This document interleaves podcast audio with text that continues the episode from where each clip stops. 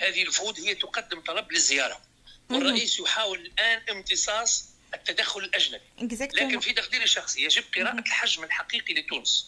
قيس سعيد عليه أن يقرأ جيدا آه، آه، قوة النفوذ الخارجي في تونس منذ القرن الثامن عشر منذ ما قبل احتلال تونس يعني تقديريا من 1840 1830 تتدخل سفارات الدول الأوروبية في الشأن الداخلي التونسي باش نعطيك مثال بسيط. السفارات هذه سفارة تونس وسفاره بريطانيا وفرنسا وإيطاليا.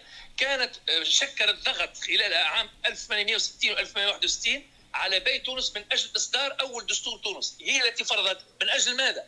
من أجل أن يتمتع رعاياها بامتيازات امتيازات في شراء الأرض وفي التجارة. فرضوه بالقوة. الآن التدخل التدخل الأمريكي والفرنسي في تونس والتصريحات التي تصدر من هنا وهناك تؤكد أن هؤلاء معنيون بماذا؟ مش بمعنيون بإقامة تجربة ديمقراطية كما يسوق، لا في الحقيقة هم معنيون بضمان مصالحهم في تونس. هنالك مصالح اقتصادية ومصالح سياسية ومصالح جيو استراتيجية في تونس في بلد يقع في في قلب المتوسط. ما يتدخلوش فقط لأجل العيون السود لأسامة الخليفي حسب ما يعتقد هو أو حسب ما يعتقد البعض من بقية الأحزاب. التدخل الأجنبي يأتي في سياق ضمان المصالح الأجنبية في تونس.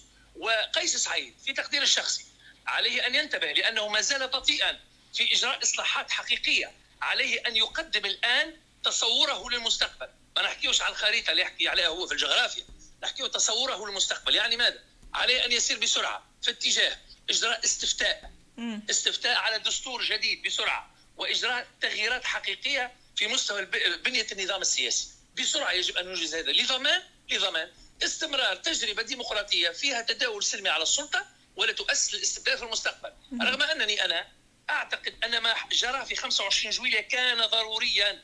كانت عملية جراحية ضرورية لإنقاذ الدولة من الانهيار. لأن الفساد في تونس أكل كل شيء ابتلع كل شيء. لم يعد هنالك حقوق يعني نتحدث هنالك حقوق للتونسيين الحق في العيش الكريم والحق في العمل والحق في السكن والحق في في في أن يعيش في حياة كريمة. هذا كل تقديريا سقط في 2000 قبل 25 جويليا ألف الأقلية الغنية كانت تحتكر كل شيء وتختبئ خلف الأحزاب. اللي يقولوه الآن للسيد قيس سعيد من خلال هذا المنبر ويقولوا للتوانسه الذين يسمعوننا في تونس هنالك صراع خفي الآن أصبح مكشوفا.